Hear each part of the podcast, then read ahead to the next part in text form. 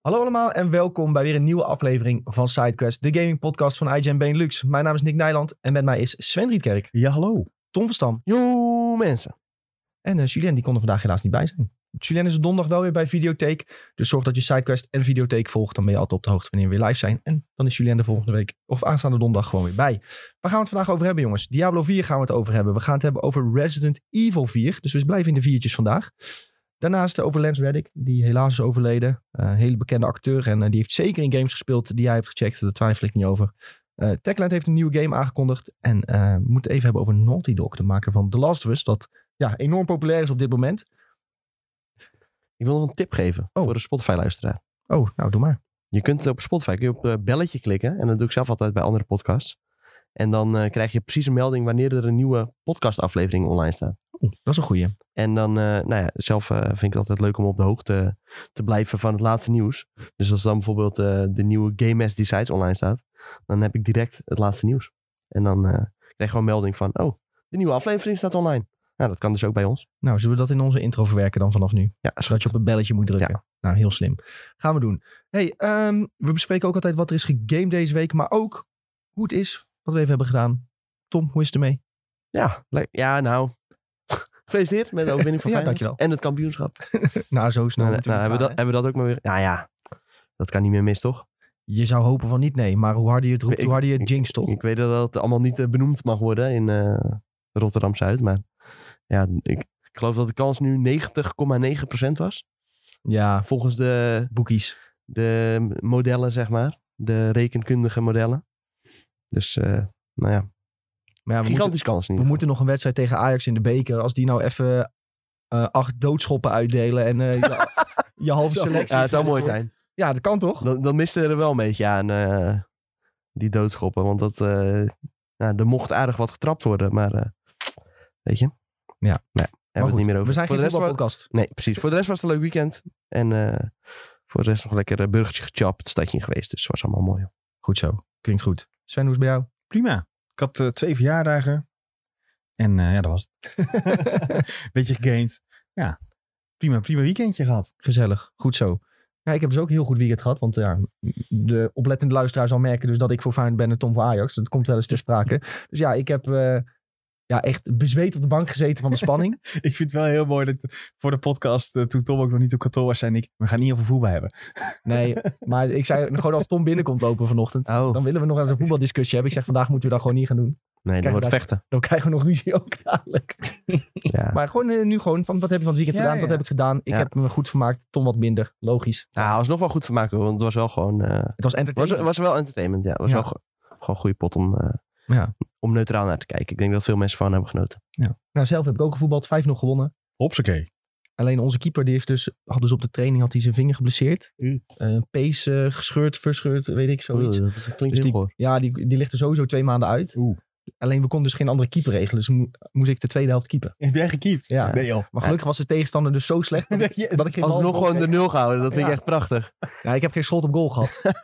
ja, alsnog uh, goede prestatie. Ja, ja, gewoon Wel jammer. Dan wil je toch... Ja, sta je op doel. Wil je toch even die redding maken inderdaad. Nee, ik, jongen, ik, ik, keeper is zo zenuwslopend, jongen. Dan komt die bal steeds ja. dichter op je af. En dan ja, ja, ja. Shit. Jij alleen maar roepen, ga weg. Ja, schiet die bal weg. ja, dat is wel mijn favoriete genre binnen voetbal, hoor. Uh, een veldspeler die op doel gaat. Ik weet nog wel dat... Uh, Lars bij Manchester, Manchester, ja, oh. Lars Veldwijk misschien een keer. Ik weet dat uh, bij ADO een keer Ricky van den Berg... dat die op doel kwam staan. Die had nog een paar goede reddingen. Uiteindelijk ging het toch mis. Was tegen Ajax. Uh, bij Manchester City, Kyle Walker. Oh, die ja. had ook zieke reddingen. Ja, echt goed is hij. Die was ook echt goed. En ik weet nog een keer bij Galatasaray had je Felipe Melo. Die had zelfs een penalty gestopt. ja, ja, dat was echt heel sick. Die van Lars Veld, hij kwam toevallig voorbij op uh, TikTok bij mij van de week. Dat, uh, die had ook echt vijf, zes ballen eruit gepakt. Oh, maar ja. echt goed ook. Ja, dat is lijp. Slagen. Hey, um, goed jongens, wat is er gegamed de afgelopen week? Uh, ja, ik weet dat Sven en ik echt enorm veel tijd in Diablo 4 hebben gestoken. Daar gaan we het zo over hebben. Um, Tom, jij hebt ook heel veel tijd gestoken in Resident Evil ja. 4. Het is misschien leuk om daarmee af te trappen. Dat is een game waar heel veel mensen naar uitkijken, denk ik. Ja. Um, hij, ja, de review staat al even online bij ons. Mm -hmm. En vaak is het zo dat als je een reviewcode erg vroeg krijgt, dat de game erg goed is. En de reviews zijn zeer positief. Ja, dat is wel een bijzonder fenomeen. Uh, kunnen we het ook nog wel even over hebben. hebben. Inderdaad, als, eh, als een game goed eh, lijkt te worden, dan eh, weet de uitgever of de ontwikkelaar dat vaak zelf ook al. Ja. En ja, natuurlijk, dat is op zich niet heel gek. Interne spelers die games natuurlijk ook allemaal. En zijn ze ook niet op hun achterhoofd gevallen. Maar ja, deze eh, ja, kwam best op tijd binnen. Ik denk twee weken voor release of zo. Maar het is ook vooral altijd andersom het geval. Nou, altijd. De, vuistregel is ook andersom het geval. Als ze heel laat komen, Ja, dat is eigenlijk nog, nog erger ja, inderdaad. vlak Ja. voor release, dan weet je dat het waarschijnlijk niet zo best is. Ja. Ja, het, geldt, het is niet altijd Nee, nee, zo, maar niet altijd zo. Maar Nee, als je zou moeten gokken, zeg maar, je Ja. krijgt de code laat, dan kun je er best op Ja. gokken dat het niet een hele goede top ja, je hebt bepaalde uitgevers die doen de laatste jaren Ja. sowieso pas op release eh, een code geven. Hogwarts Legacy kwam heel laat bijvoorbeeld. Ja, dat was best wel een goede game uiteindelijk. Zeer mee vermaakt. Maar goed, ja, soms zijn ze ook gewoon bang voor spoilers en zo. En dat is bij Resident Ja. Evil 4 hoef je niet bang te zijn voor spoilers. Want Hogwarts Legacy kwam ook weer niet heel laat volgens mij. Want nou, ja, drie dagen voor release, vier ja, dat was dagen. echt wel laat. was relatief laat. Voor, Nee, nee, voor nee, nee, nee. Voor, de, voor het embargo. Ja, het embargo was... was zeg maar, het embargo Oh, ja. was eh, maandag of dinsdag na het weekend. En ik denk dat hij op donderdag of vrijdag Ja. kwam hij binnen. Dit klopt. Dus dan, eh, de Sven die had echt 40 uur in het weekend moeten pompen. In die, in die game. Ja. Maar uite- ideaal. en uiteindelijk kwam die game inderdaad op vrijdag uit. Dus eh, Dat voor podcast en zo was het allemaal toch nog wel eh, prima. Mhm. Maar eh, ja, dat is inderdaad wel, wel een dingetje. Maar ja, dit is dus echt een fantastische game. En ik moet wel zeggen, vroeger heb ik nooit heel erg veel Resident Evil 4 gespeeld. Wel gewoon bij vrienden thuis. Maar ja, het origineel kwam uit in 2005. Dus ja, ik was toen tien. Dus het ja, was zeg niet maar... echt een game voor jouw leeftijd. Nee, niet echt een game voor mijn leeftijd, maar ook niet echt dat ik op dat moment eh, helemaal meekreeg van welke games zijn nou goed en welke niet en welke moet je nou spelen. Ja, soms hoor je wel eens van vriendjes van eh, oh, dit en dit moet je echt spelen. Maar over het algemeen werd er eh, GTA San Andreas gespeeld en ja, Pro Evolution Soccer, dat speelden wij veel dan. En af en toe nog wat Nintendo dingetjes, maar Resident Evil 4 had ik nooit echt meegekregen. Ehm, ja, ik heb wel natuurlijk even een kleine vergelijking eh, getrokken met het origineel. En tussendoor zijn er ook nog een aantal eh, remakes en HD remasters. Zijn ook eh, wel de revue gepasseerd. Maar ja, die zijn niet allemaal zo goed als deze remake. Dit is echt ja, een ode aan het origineel, zeg maar. En ja, het, het zit echt ontzettend goed in elkaar. Je kunt lopen en schieten tegelijk. Heel bijzonder in een Resident Evil game. Ja. En ja, daardoor is het wel echt wat meer een actiegame dan, eh, dan een horror game. Ehm, Is, is Resident Evil 4 sowieso wel. is dat prettiger juist? Of? Mm, ja, voor mij wel. Ja, ik- ik moet zeggen, eh, ja, een echte hardcore horror game eh, zou ik niet heel snel in mijn eentje thuis spelen of zo. Maar ja, dit, dit start ik zo op. En ik, dit is ook een van die games waarbij ik echt gewoon zin heb om verder te spelen. En dat, ja, dat klinkt heel zuur, maar dat komt ook niet zo vaak voor. Nee, ja, het is wel een beetje waar. Ja, nou ja, dat, ja, dat is sowieso als je veel games reviewt, dan, eh, ja, dan merk je het ook na een tijdje wel dat een heleboel games ongeveer hetzelfde in elkaar steken. En dan eh, begint dat wel wat, sneller te ver- vervelen dan dat je 1 à 2 à 3 eh, verschillende games per jaar speelt. Dan, ja, Valt het niet, minder op. dan, ja. dan valt het wat minder op. Maar Ja. Ja, dit is wel echt zo'n game van, eh, ja, ik wil, ik wil weten wat gaat er hier verder gebeuren. En eh, ja, sowieso zit het supergoed in elkaar. Het schieten werkt heel erg lekker. Wat je in eerste instantie niet per se heel erg zou, zou verwachten. Je zou denken van, ja, Resident Evil is altijd een beetje clunky met schieten. Maar dit werkt wel, eh, ja, werkt wel ontzettend goed. En de puzzels zijn ook heel leuk. Terwijl normaal heb ik echt een, een grafhekel aan puzzels in games. Maar in Resident Evil 4 eh, zit het vaak best goed in elkaar. Ook gewoon omdat er dan, ja, dan heb je op een gegeven moment dat er bijvoorbeeld ergens weer een geheim luikje open gaat of een geheim deurtje. En eh, ja, er liggen overal door die wereld zoveel verschillende ja, items eh, dat je er ook een beetje de boel wil onderzoeken. En daardoor eh, ja, op- openen weer nieuwe ruimtes en dan krijg je weer nieuwe items en daardoor kun je weer nieuwe wapens kopen. En daardoor kun je wapens weer upgraden. Dus eh, ja, dat zit allemaal wel heel goed in elkaar. Ja, je legt het al nu al een beetje uit hoor. Maar ik had echt de vraag in van wat maakt Resident Evil dan zo speciaal ten opzichte van andere Resident, Resident Evil games? Want ehm, ja, behalve dan dat het misschien meer een actiegame is, is het het verhaal dat je juist helemaal erin trekt? Of Mm, ja, ja, het is sowieso wel. eh, ja, ja, het is wel echt zo'n eh, redelijk generiek verhaal. Eh, de dochter van de Amerikaanse president die is ontvoerd. En die moet je dan gaan zien te redden. Dus dat is op zich niet heel bijzonder. En Eh, ja, ze winden er ook niet echt veel doekjes om of zo. Er zitten geen eh ellenlange cutscene- cutscenes in met, ja, die vol zitten met dialoog. Dus het is ook niet allemaal extreem diepgaand. Maar eh, ja, het speelt gewoon heel lekker. En ja, dat is denk ik het belangrijkste. En de puzzels zijn heel tof. Ehm, er zitten toffe gevechten in met eindbazen. Dat is ook wel echt, ja, echt een ding. Ehm, heb je, had jij nou Village ook gespeeld? Acht? Ja, maar die heb ik dus niet helemaal uitgespeeld. Die kon me niet helemaal bekoren. Oké. Dus ja, die heb ik denk ik tot de helft gespeeld ongeveer. Zo. En Toen toen dacht ik, ja, dit gaat allemaal wel heel erg ver en heel erg over de top. Oh, dat vond ik juist wel lekker. Ja? Ja, ik hou wel van een goed mysterie en dat het allemaal wat eh weirder blijkt te zijn dan dat je aanvankelijk denkt. Ik, ik neem aan dat je wel hebt gespeeld, dus dat na het moment dat Lady Dimitrescu tran- transformeert, Ja. dat heb je ook allemaal gezien. Ja, dat, vanaf dat moment wordt het wel echt heel weird natuurlijk. Ja. Maar goed, ja, daar kan ik op zich wel goed tegen. Ja, ja tuurlijk. Dat is sowieso een beetje eh, ja, wat Resident Evil is. Maar ja, dit, ja ik weet niet. eh, het, speelt, het speelt gewoon heel lekker. En eh, ik denk dat iedereen bijvoorbeeld ook wel van vroeger dan die, die scènes kent dat Leon een revolver heeft. en dat hij hem even doorlaat en zo. Eh, ja, ook gewoon al die wapens die voelen gewoon echt aan, als, als wapens. Niet zoals Call of Duty dat als je even, even schiet dat het gewoon één rechte lijn blijft. Dat, dat heb je natuurlijk niet in Resident Evil 4. En eh, ja, dat, dat schieten werkt gewoon echt, eh, echt heel goed. Heeft het dan ook van die echte ehm, schrikmomenten? Of Ja, er zitten her en der wel wat kleine jumpscares in. Maar het is niet dat je echt, eh, ja, dat je echt een hoedje schrikt of zo. Wat wel altijd zo is, ja, het begin is dan echt best wel duister van Resident Evil 4. En naarmate je wat minder, of wat verder komt, dan krijg je ook meer wapens. En daardoor wordt het ook wel wat minder spannend. Ook gewoon puur omdat je meer tools hebt om, eh, om het jezelf makkelijker te maken. En eh, ja, op het begin heb je natuurlijk gewoon alleen een pistooltje. Ja, dan ben je toch wel een beetje een soort van eh, kat in het nauw. En dan is het wat meer horror dan verderop in de game. Waarbij je dan echt ja, wat meer actie wordt. Er komen wat meer personages in het spel. ja, je krijgt een companion, dus dan loop je met z'n tweeën. Dus ja, dan moet je wo- zelf ook wat sterker ja, worden? dan wordt het allemaal even wat minder spannend. eh.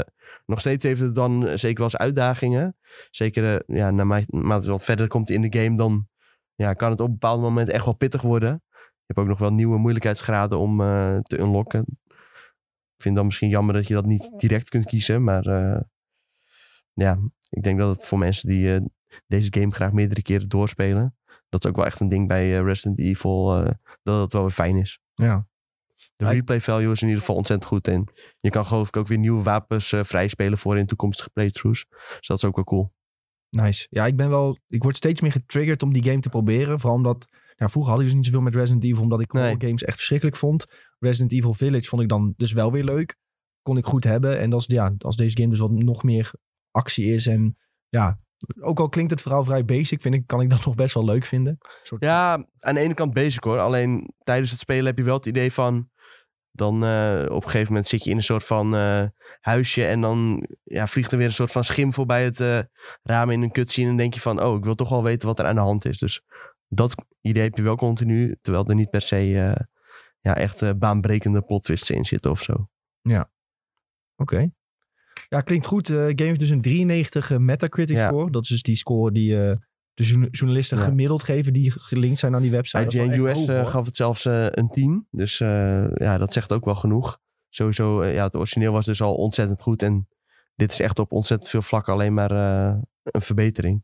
Dus ja, dan kun je wel eh logischerwijs op een 10 uitkomen. Ja, de meeste reviews stellen eigenlijk ook gewoon van eh, genre-defining experience. Een van de Ja. beste remakes. Hè. Het, het houdt het, de, de charme van het origineel Ja. vast, terwijl het ook weer nieuw aanvoelt. Ja, Eh, en graphics. origineel had ook een aantal eh, ja, bepaalde foutjes slash eh, ja, dingen die in die tijd nog konden. Je hebt bijvoorbeeld, ja, je wapens die zitten dan in een soort van koffertje. En eh, die moest je dan helemaal, eh, ja, daar zat dan ook je inventory bij. Dus ook eh, herbs en eh, first aid kit, eh, granaten, dat soort dingen zitten daarin. En die moest je dan helemaal handmatig ordenen. Nou ja, bijvoorbeeld hier heb je dan een knop waarmee alles automatisch wordt geordend. Ehm, daar was het ook zo, al wilde je wisselen van wapen, dan moest je naar het koffertje. Dan moest je een ander wapen aanklikken en dan kon je die equippen. Ja, hier heb je gewoon eh, met je D-pad eh, dat je een ander wapen kunt selecteren. En allemaal van dat soort kleine dingetjes zitten erin. Waarmee het, eh, ja, een game die niet eh, een last wordt om te spelen, maar eh, die juist ontzettend leuk is om te spelen. Ja, klinkt goed. Misschien dat ik hem zelf ook nog wel ga spelen. Maar dan... eh, hij komt ook naar PC, toch? Ja, Mhm, zeker. mhm. Ik denk dat ik hem namelijk liever op PC zou spelen met al dat uh, je beter schieten. denk ik. Ja, met Ja. schieten wordt dat wel echt een stuk makkelijker, denk ik. Ja, Want ik kan dus heel slecht schieten met een controller. ja. Oh, ik ook. Nou, dan moet je dit niet gaan spelen, nee. Nee. Want dan, ja, Village heb ik wel op PS5 gespeeld. Hmm. Ja, het schieten is zeker in Resident Evil echt best wel een uitdaging. Dus Ja, liever op PC. liever op PC zou ik dan zeggen. Wie weet ga ik hem nog wel eh, scoren ergens. Hey, eh, Sven, ga jij hem spelen? Nee. ja, nee, ja. Ik heb daar gewoon nog steeds niks mee. Nog steeds niet. Sven de hoor. Nee. Zo lang geprobeerd om er iets mee te krijgen en Ja. gewoon nog steeds niks mee. Ja, dat kan. Is mogelijk Ja, het is natuurlijk. soms heb je van die games, dan weet je al, dat is niks voor mij. Ja, nou, dit is, eh, dit is zo'n reeks. Wel eh, bijzonder trouwens dat eh, de best scorende games van dit jaar eigenlijk bijna allemaal remakes en remasters Ja. zijn. Eh, we hadden natuurlijk eerst eh, Dead Space. Eh, we hadden Metroid Prime remastered. Allebei ook games die echt eh, bizar hoge Metacritic hebben gehaald. Ja. Dan vragen mensen zich af, waarom worden er zoveel remakes gemaakt? Ja. Nou, als het goed gebeurt, dan... eh, Ja, dan is het totaal Waarom niet niet, erg. Ja. En eigenlijk is het, ja, denk ik, een beetje de eerste periode waarin het echt heel goed gebeurt. En waar het gewoon echt eh, vanaf de grond af aan eh, wordt opgebouwd. Want eh, dat is ook wel cool in Resident Evil 4. Bepaalde gedeeltes uit de game, die zijn ook gewoon echt wel, eh, ja, nog steeds wel herkenbaar voor de originele spelers, maar wel e- echt anders. Dus dat is ook wel tof. eh, als, je, als je dit bijvoorbeeld naast eh, een complete playthrough legt van eh, het origineel. Ja, dan zul je niet op dezelfde runtime uitkomen. Omdat gewoon echt bepaalde gedeeltes, eh, die hebben ze wel echt aangepast. Oké, klinkt goed. Ehm, de review staat inmiddels op onze site. Kun je daar nog verder Van lezen. Gerard. Van Gerard. En eh, Tom is er dus ook bijna doorheen. eh, dus nou, binnenkort zal hij nog misschien wel een klein beetje meer. Ja, zeker. En volgens mij heeft Julien ook een stuk gespeeld. Dus als Julien weer terug is, dan kunnen we het er nog heel, heel eventjes over hebben. Ja, ik ga er wel vanuit dat Julien er ook wel diep in zit Ja. inmiddels. Zeker, is helemaal zijn franchise natuurlijk. Hey, we blijven een beetje in het eh, horrorgebied, denk ik. Of nee, wacht, we gaan eerst iets anders doen. Ehm, Sven, Ja. jij bent weer verder met Octopath 2. Zeker. Ik zit nu op eh 13, 14 uurtjes, denk ik. En nu langzaam maar zeker krijg je die crossed paths eh, verhalen. Dus dat je met een personage, eh, of twee personages, een gedeeld verhaal kan gaan ervaren. Ehm, ja, dat is best wel cool nog steeds. Het is vet gedaan. Ik vind de, de, de verhalen die ik tot nu toe heb gespeeld ook best wel cool. Ehm, eentje die eh, is een soort eh, inquisitor van de, van, de, van de kerk en die moet een moord oplossen. Nou ja, daar eh, hadden we even gevonden wie de moordenaar was. En dan komt het natuurlijk, mondt dat uit in een groot, eh, groot gevecht waarbij je echt wel tactisch moet nadenken. Omdat je anders echt, ja, gewoon aan alle kanten omver wordt geblazen. Maar het, eh, het had me weer even te pakken. Dus daar heb jij een paar eh, keer over gedaan. Om, eh, Nee, ik had hem wel in één keer, omdat ik wel redelijk snel door had van, oh wacht, als ik zijn ad snel kill, dan doet hij niet zijn grote aanval en kan ik gewoon rustig hem eh, ja, stunnen. Door de juiste aanvallen op hem te doen met de juiste wapens, want dan stun je in de, de, de combat van Octopath 2. En eh, ja, het is eh, weer cool. Wat gebeurt er als je een gevecht niet wint in Octopath? Ja, dan krijg je gewoon letterlijk een game overscherm en succes, ga het maar opnieuw proberen. Oké. Het ge- gevecht of de hele game? Nee, nee. Mag je weer even 15 uur terug? nee, het, eh, het gevecht. Er zit altijd eh, heel tactisch voor zo'n gevecht zit een savepunt. En dan weet je, hier moet ik even opslaan. ja. Want ik heb dus inderdaad wel eens gehad dat ik eh, met een ander personage ook eh, naar een bos ging. Maar toen was ik eigenlijk net wat onderleveld. Ja, dat was niet leuk. Dan zie je iets te snel dat game overscherm. En dan denk je, ja, toch even... Dan ga je eens een ander verhaal doen. Of je gaat even ergens levelen. En dan... Ik had wel redelijk snel een plek gevonden waar ik eh, in ieder geval naar level 15 of zo redelijk snel kon levelen met alle personages.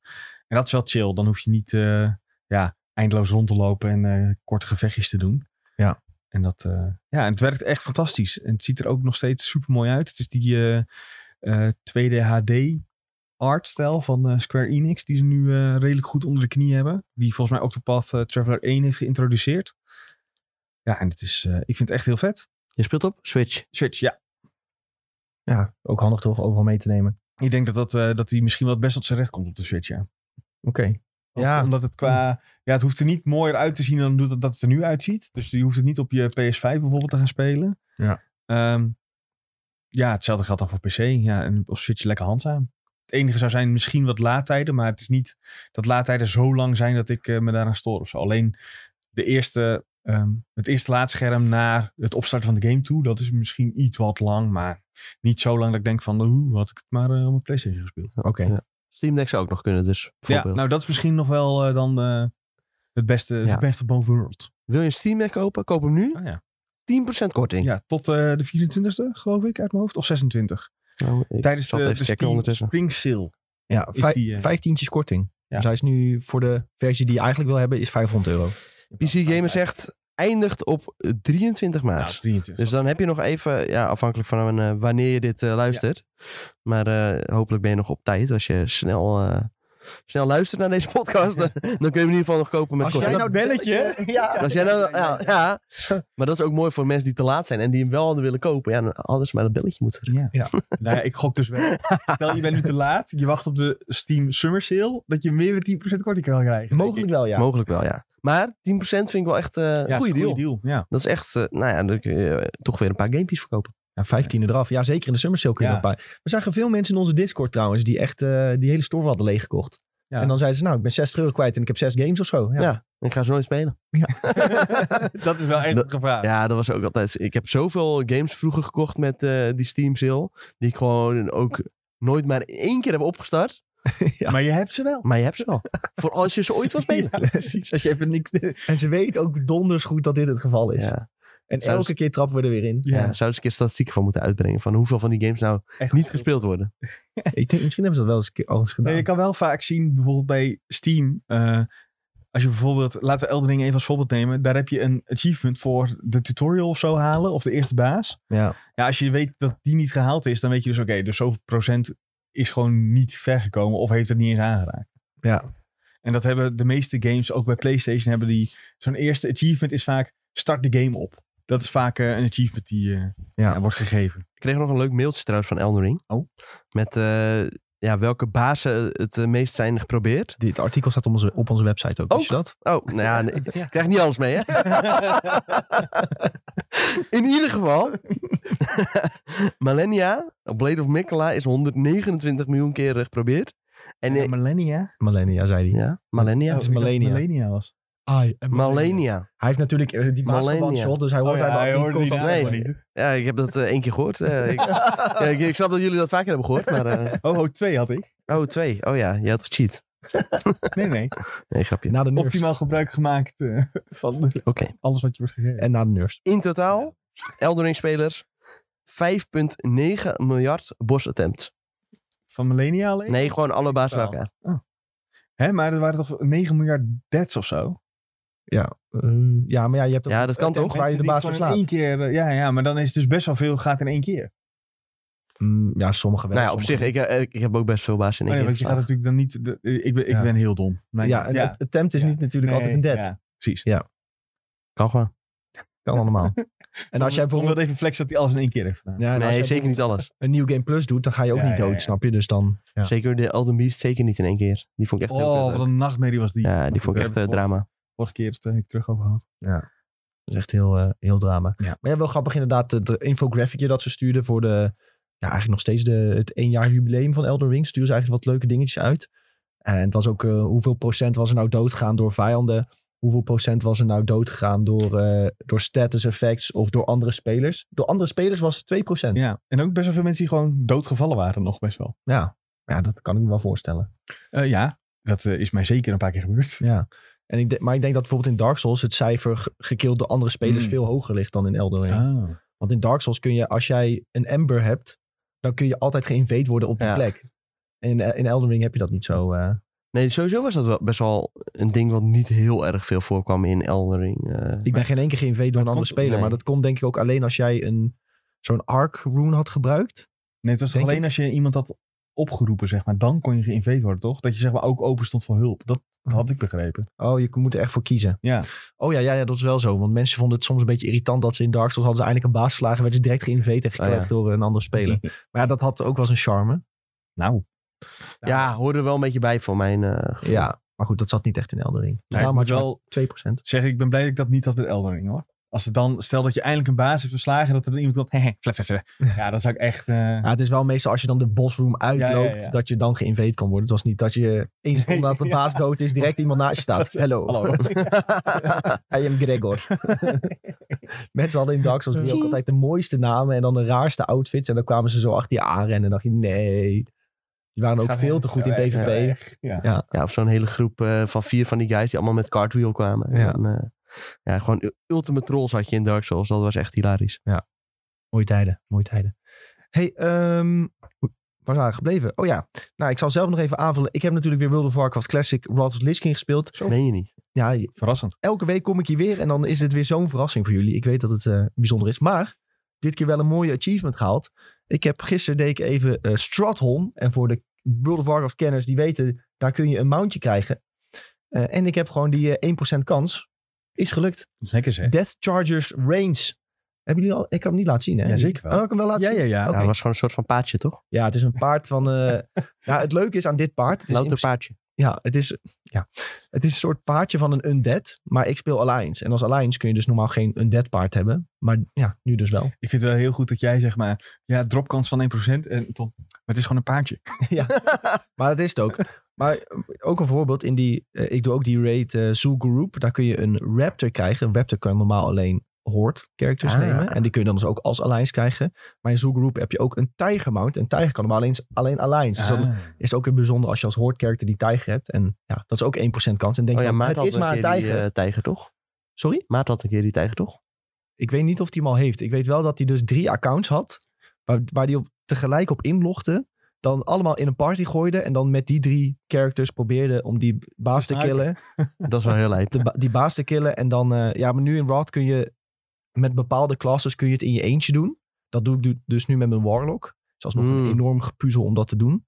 Ehm, ik zal jullie besparen hoe je het moet doen. Maar ehm, ja, de, de, je kan het één keer in de drie dagen kun je het doen. Dus dan moet je alsnog geluk hebben. En in Cataclysm, wat er dus was aan zit te komen, ehm, gaan die mounts gaan eruit. Alle drie. Dus als je ze nog hebt voor Cataclysm, ben, je, Ah. ben je fucking cool. Oké. Soort van.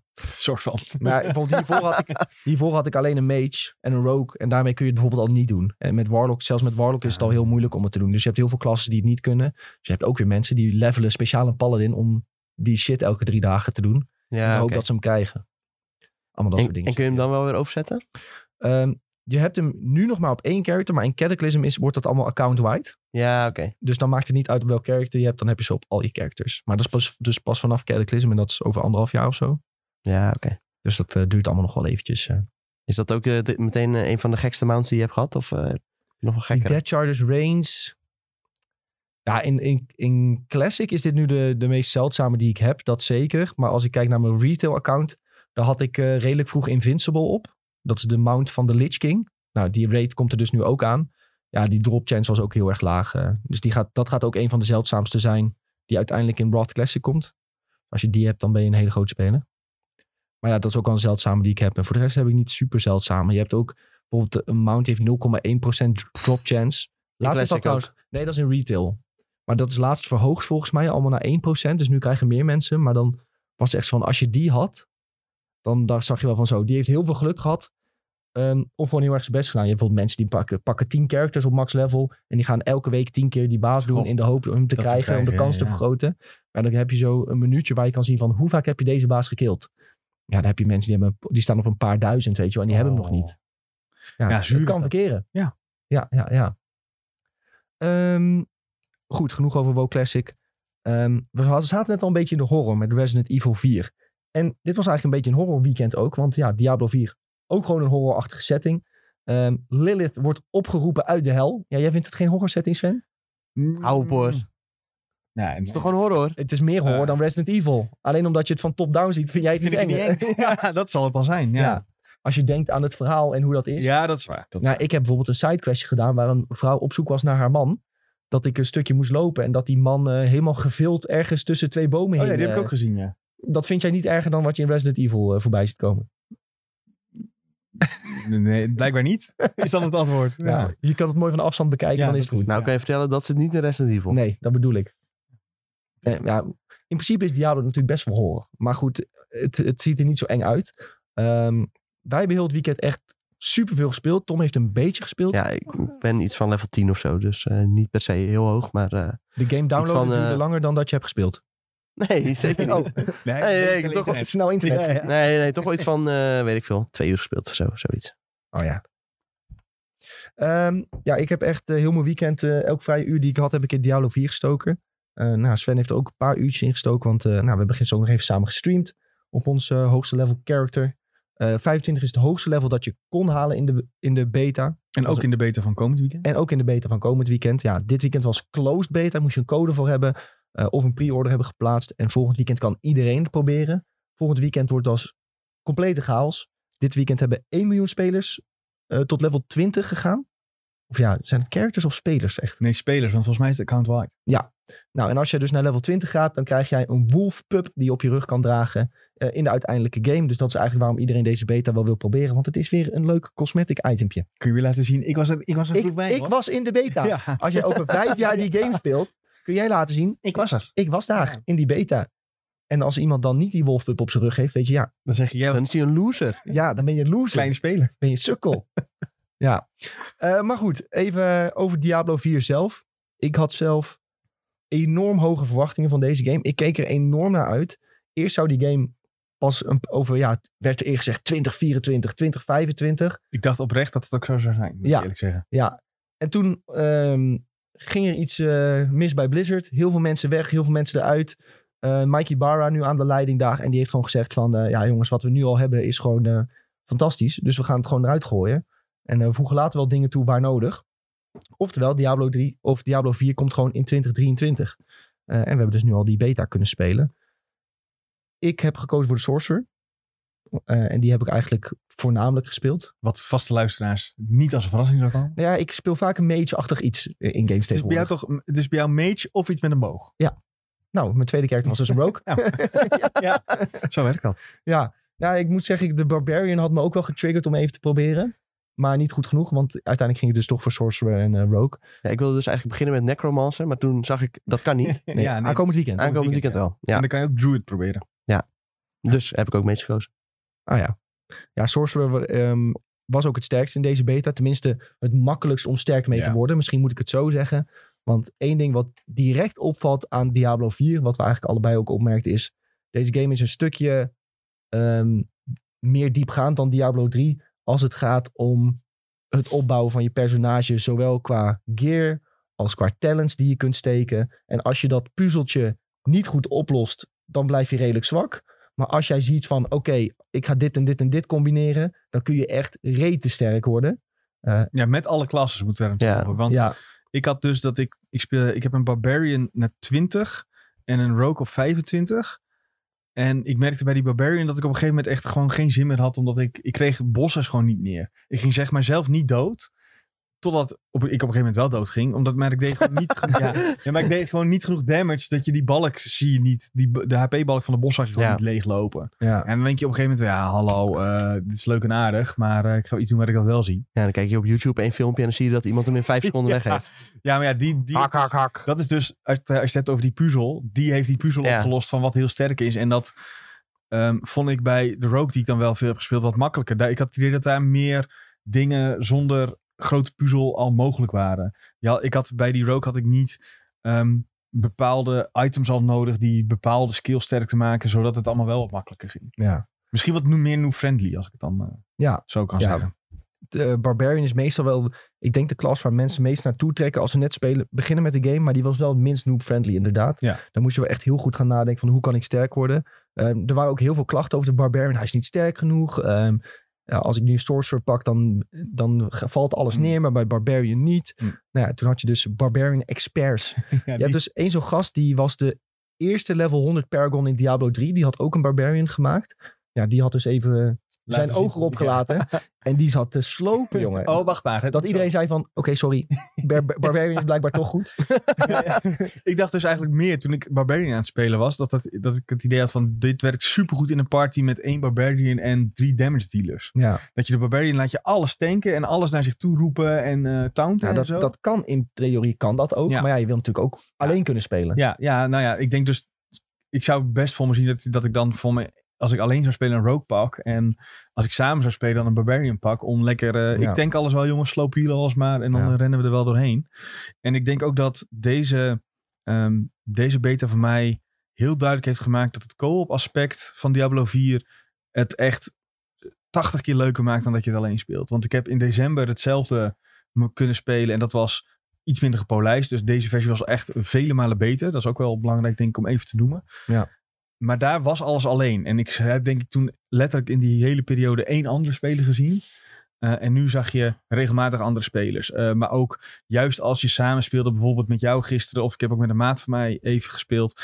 Dat samenspelen gaat gewoon, is zoveel leuker, maakt het zoveel dynamieker, eh, dynamischer. Je gaat samen, oké, laten we nu hierheen gaan. Laten we nu, heb je deze quest al, anders kun- kunnen we die samen gaan doen. Dat maakt het zoveel leuker dan dat je in je eentje maar, oké, ik volg, ga nu daarheen en ik loop naar dit punt en ik kill alles en dat is klaar. Het, Ja. is, het, is, ja, het maakt het zoveel chiller om samen te doen. En vooral, nou ja, toen ik met jou speelde, had ik ook dat moment dat jij die gekke slangen overal opgooide. Eh, dat, ik het, dat ik echt zoiets van, wow, ja, hij kan dit. Eh, Ja. Wat kan ik straks, wat ook zo vet is. Dat maakt het allemaal, ja, gewoon... Waardoor ik het, het idee heb van, ik wil nu al wel weer meer zien van deze game. Wat mij ook heel erg opviel daarin is dat het gewoon leuk is om met z'n tweeën te zeggen... we lopen gewoon een kant op en we zien wel wat we tegenkomen. Ja. En dat is natuurlijk omdat de game nu nog fris is. Uiteindelijk ken je de hele map uit je hoofd en is dat wat minder. Maar er zijn heel veel dingen te doen in de open wereld. Je komt een cellar tegen, je komt eh, een kleine dungeon tegen die je samen kunt doen. Maar je komt ook world events tegen. En bij die world events kom je geregeld dus ook nog een andere speler tegen. Je kunt met iets van 12 spelers in de map zijn. Ehm, en dan kom je geregeld een andere speler tegen die bijvoorbeeld al bezig is met die world events. Oh, je helpt hem even, je krijgt weer wat loot eh, en je gaat weer door. Eh, dat werkt gewoon heel goed. Je loopt re- geregeld ook weer een sidequest tegen het lijf. Hè. Die worden dan aangegeven met een blauw eh, uitroeptekentje. Ga je die sidequest doen? Oh, je hebt die gedaan? Nu eh, opent zich opeens drie nieuwe sidequests in dat stadje, omdat je die persoon hebt geholpen. Hoe dat zich weer verbindt met elkaar zorgt ervoor dat die wereld heel levendig aanvoelt. Ook verbonden met elkaar aanvoelt. Hè. Je hebt niet allemaal laadschermen als je naar een nieuw gebied gaat of zo. Hè. Dat is ook allemaal verbonden Ja. met elkaar. Ja, tenzij je op teleport klikt. Maar Nou ja, maar ook wel als je in zo'n cellar ingaat, bijvoorbeeld, of een dungeon, Ja. dan zit er wel even een laadscherm. Ja, dat wel. Maar de, de overige gebieden, zeg Ja. maar. ehm, Eigenlijk is dat volgens mij hetzelfde als in Diablo 3. Dat was ook als je de grote stad uitloopt, dan... eh, nou ja, in deze, in deze beta had je heel erg dan... Alles schokte even en eh zieke Ja. Nou, dat is waarschijnlijk een, beetje- een beetje een beta-kwaaltje. En daarna ging je erin. Dus dan duidelijk was hij die wereld aan het laden. En dat was bij D3 ook al zo.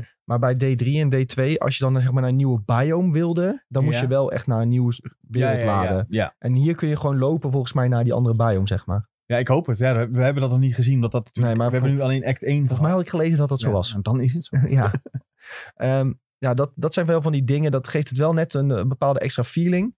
Ehm, dus ja, ik heb me daar echt enorm goed mee vermaakt. Het, het hele proberen van builds. Ik heb gewoon bij, bij Mage alles geprobeerd. Eh, Hmm. Volledig Fire, volledig Frost. Een combinatie daarvan. Lightning was heel populair afgelopen weekend. Heb ik dat gewoon eens even geprobeerd. Ehm, hoe goed is dat singleplayer, multi-target? Ehm, nou, dat heb ik gewoon echt allemaal geprobeerd. En dat wisselen ging ook eigenlijk heel snel. Had je niet ook dat als je een legendary item vond met daar stond op iets, deze skill doet dit en dit, dat je dacht, oh, dan ga ik even deze skill proberen. Nou, ik heb heel veel gehad dat ik bij, bij mijn mage vond van eh, ehm, invulnerability Hmm. en stunt, sloot, bla bla bla. Dus dat was heel erg gericht, vond ik, om, op die frost build. Dus daar ben ik eigenlijk een beetje in blijven hangen. Dat is misschien ook wel mm, een van mijn beetje negatieve punten. Die legendary specials die je nu krijgt, zijn nog redelijk basic. Uiteindelijk in Diablo 3 had je bijvoorbeeld zo'n setje. Ja. Dat je in een soort eh, vliegende god kon veranderen met een laserbeam als mage, als je die set had. Ja, dat, je weet dat het hier in deze game zit, maar dat zat nog niet in de beta. Nee, Dus maar dat kon je nog niet echt aan proeven. het is Dat- ook wel goed dat ze dat nog niet doen. Als je nu al dat soort beelds zou kunnen bouwen. Kijk, mensen, Ja. wat Tom net ook al zei, bouwen al echt bizarre Ja. beelds. Ja, ik zag het al best ver gaan hoor. Want bijvoorbeeld met Sorcerer had je ook zo'n soort van Hydra beeld.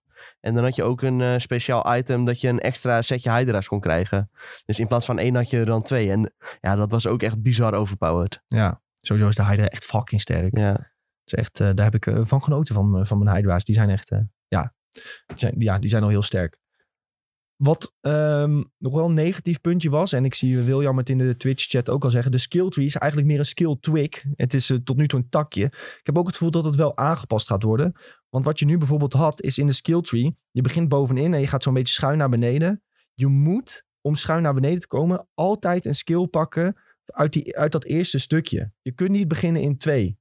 Nee, maar dat moet toch ook? Want volgens mij, als ik, hoe ik het zag, was dat die eerste was zeg maar je, Basic. eh, ja, je basic aanval. Die ook je generator was voor de tweede skill. ja. Eh, en die, als je daar weer genoeg punten in had, dan kreeg je, bij de Rogue heette dat volgens mij agility. Dus ze hadden die, die dingen ook benoemd met wat voor soort skill het was. Dus volgens mij kreeg ik daar eh, eh, mijn dash op. En daarna kreeg ik een aanval om eh, andere aanvallen sterker te maken. Ehm, maar ik had ook, in plaats van een dash, had ik ook traps kunnen doen. Eh, dat soort dingen. Ja, wat ik eigenlijk zou willen is dat, dat je niet altijd een basic moet pakken, maar dat je misschien andere skills hebt die je via een item ook Hmm. mana kunnen geven. Dat je niet altijd geforced bent om een basic te pakken. Ik denk dat Ja. dat je ook wat meer Hmm. vrijheid geeft. Ik vond, vond de, de, ja, de skill twig, eh, die vind ik wel mooi om erin te houden, dat die nu wel wat beperkingen gaf op je tot nu toe. Maar ja, Ja, ik vond het op zich niet zo heel erg. Het maakte het ook wel aan de ene kant wat overzichtelijker. Ik had meer dat het qua vormgeving, dat ik het niet Mm. helemaal eh, chill vond. Om dan, ja, dan, dan zit je een beetje rechtsonder helemaal eh, te kijken van, oh, dit en dit geeft die en die stad. En dan moet je eerst eh, helemaal weer ergens anders gaan kijken of het daarbij een, een beetje matcht, zeg maar. Dat vond ik heel onhandig. Maar Ja. voor de rest, ja, het- ik vond het wel chill dat, dat je gewoon zes van die vakjes had en dat dat allemaal een soort van skill vertegenwoordigde. ja, het was wel van je moet heel die skill tree even uit je hoofd Ja. leren om eh, te is begrijpen wat wel- goed bij ja. elkaar past. Maar goed, dat is ja, uiteindelijk denk ik ook wel eh, een beetje de learning curve van de game natuurlijk, wat er een beetje bij hoort. Ja, uiteindelijk weet je het allemaal wel. kon er ook nog zo'n passive, passive verdienen vanaf level 15. Ja, nou zie ik je hard nadenken. Ja, ik probeer Moet je een class quest doen op level 15 en dan Ja, krijg je oh ja, ja, ja, ja, ja. Ja, dat voegt er ook nog wel weer een extra laagje toe dat je die kon kiezen bij Mhm. bepaalde, bepaalde abilities. Ehm, dus ja, wat dat betreft voelde allemaal ja, gewoon goed aan, denk ik. Ja, ik denk dat dat, eh, dat dat een van de grote puzzels wordt in de game, zeg maar. Hoe, eh, want uiteindelijk draait Diablo toch, hoe kan ik op zo'n efficiënt mogelijke manier zoveel mogelijk loot verzamelen. Dat is in he- heel kort is dat, het verhaal is, doet, is natuurlijk cool om een keer door te spelen, maar daarna ga je doorspelen om de gekke damage dingen te doen of de gekke builds te bouwen. Dus ik ben wel benieuwd of dat, eh, ik ben benieuwd wat ze nog gaan aanpassen, of ze veel nog gaan aanpassen. Maar ik denk dat als je er wat langer in zit, dat het allemaal wat natuurlijker komt. Ja, dat sowieso wel. Ehm, dat is ook meteen mijn grootste zorg eh, voor, voor Diablo 4. Is dat het misschien toch iets te veel op Diablo 3 lijkt. eh, qua traditioneel, wat mensen verwachten van een Diablo is... Je gaat een seizoen hebben, je bouwt een character, je ramt even door wat dungeons heen. Je hebt de beste gear en eh, je hebt het seizoen weer gehaald, zo gezegd. Ik zou toch liever zien dat, dat de game wat sprongen maakt in het genre. Als je bijvoorbeeld kijkt naar eh, hoe goed Lost Ark was met dungeons en raids. En hoe goed Blizzard dungeons en raids kan maken. Snap ik niet dat je niet denkt van... Hé, hey, dat Lost Ark hè. Hoe zij gear verzamelen. Hoe zij ehm, mensen samen raids laten doen door moeilijkere bazen met puzzels te doen. Ik van ja, waarom zit dat niet in Diablo? Ja, nou ja, we hebben dat nu nog niet gezien. Ik hoop ook dat erin zit. Maar ja, als het in Act 1 niet zit, waarom zou je dat later wel hebben, zeg maar, zoals de game nu is? Ja, het, het zal ongetwijfeld eh, misschien nog in een latere update Ja. kunnen komen. Maar voor hoe het er nu uitziet heb je gewoon dadelijk die acts. Mhm. Dat zijn al je verhalen. En dan ga je Mhm. naar een eh hel moeilijkheidsgraad en dan doe je het allemaal Ja. nog een keer. Ja, nou ja, misschien dat die seizoenen dat juist wel toe kunnen voegen. Uiteindelijk. Ik ben ook heel bang, laat ik vooropstellen, ik ben ook heel bang dat ze inderdaad dat Diablo 3 aspect pakken. Want dat werkt met seizoenen. En ik merkte bij mezelf heel vaak dat wij nog even met een groepje vrienden, waar we nu trouwens ook weer Diablo 4 waarschijnlijk mee gaan spelen, even zo'n seizoen speelden. En dat was echt in een avondje, knalde je dan die hele beeld in elkaar en deed je die Greater Rift tot eh, level 100 of zo. En dan dacht je, ja, nou, ik heb het weer gespeeld. Ja, als het dat wordt bij Diablo 4, dan haak ik denk ik wel snel af. Maar als het juist is, oké, seizoen dit brengt deze gekke dungeon eh, met deze boss die je dan kan verslaan met z'n twaalfen bijvoorbeeld. Dat je een hele server nodig zou hebben. Of dat je met je eh, clan, want dat kon je nu ook al maken. Je kon een clan aanmaken. Dat je met je clan moet gaan afspreken van oké, we gaan op eh, die avond gaan we met z'n allen lekker die baas doen. Ja, En daar heeft, hebben we iedereen bij nodig. En Nick die gaat zeggen dat Sven nu weer verkeerd stond in de trap terwijl die drie meter verder moest staan. Ja, je hebt nu wel die world boss, bosses waar ze dat een Ja. beetje mee doen. Eh, je merkte wel van daar heb je echt 12 man voor nodig. En eh, die 12 man moeten wel eh, level 25 zijn om een kans te maken. Eh, William zegt het ook weer in de Twitch chat. Path of Exile die doet het vooral met nieuwe bosses toevoegen. Waarbij je echt alles moet maximaliseren om een kans te maken.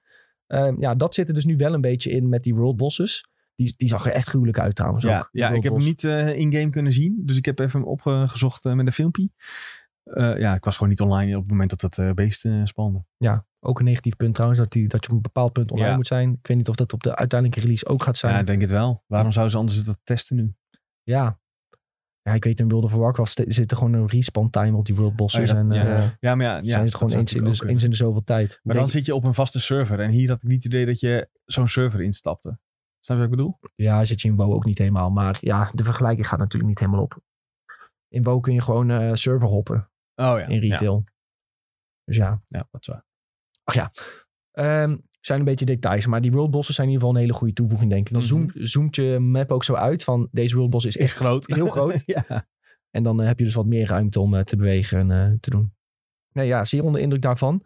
Wat vond je van de dungeon variatie? Ik zag dat daar nog wel wat kritiek op Ja. was. Eh, nou ja, de standaard, zeg maar, die sellers, dat was gewoon letterlijk één ruimte. Versla de elite die erin zit en pak de loot eruit. Ik moet wel zeggen dat bij die wat grotere dungeons waar je ook aspects kon krijgen, die waren in principe allemaal hetzelfde. Dat was allemaal eh, pak drie pillars, eh, dan opent er een deurtje, gaat het deurtje door en dan zit er een bos. Ja. Dus ik snap die kritiek wel. Aan de andere kant heb ik ook het idee dat ze nu bewust een beperkt aantal van dat soort dungeons en bosses erin hebben gedaan.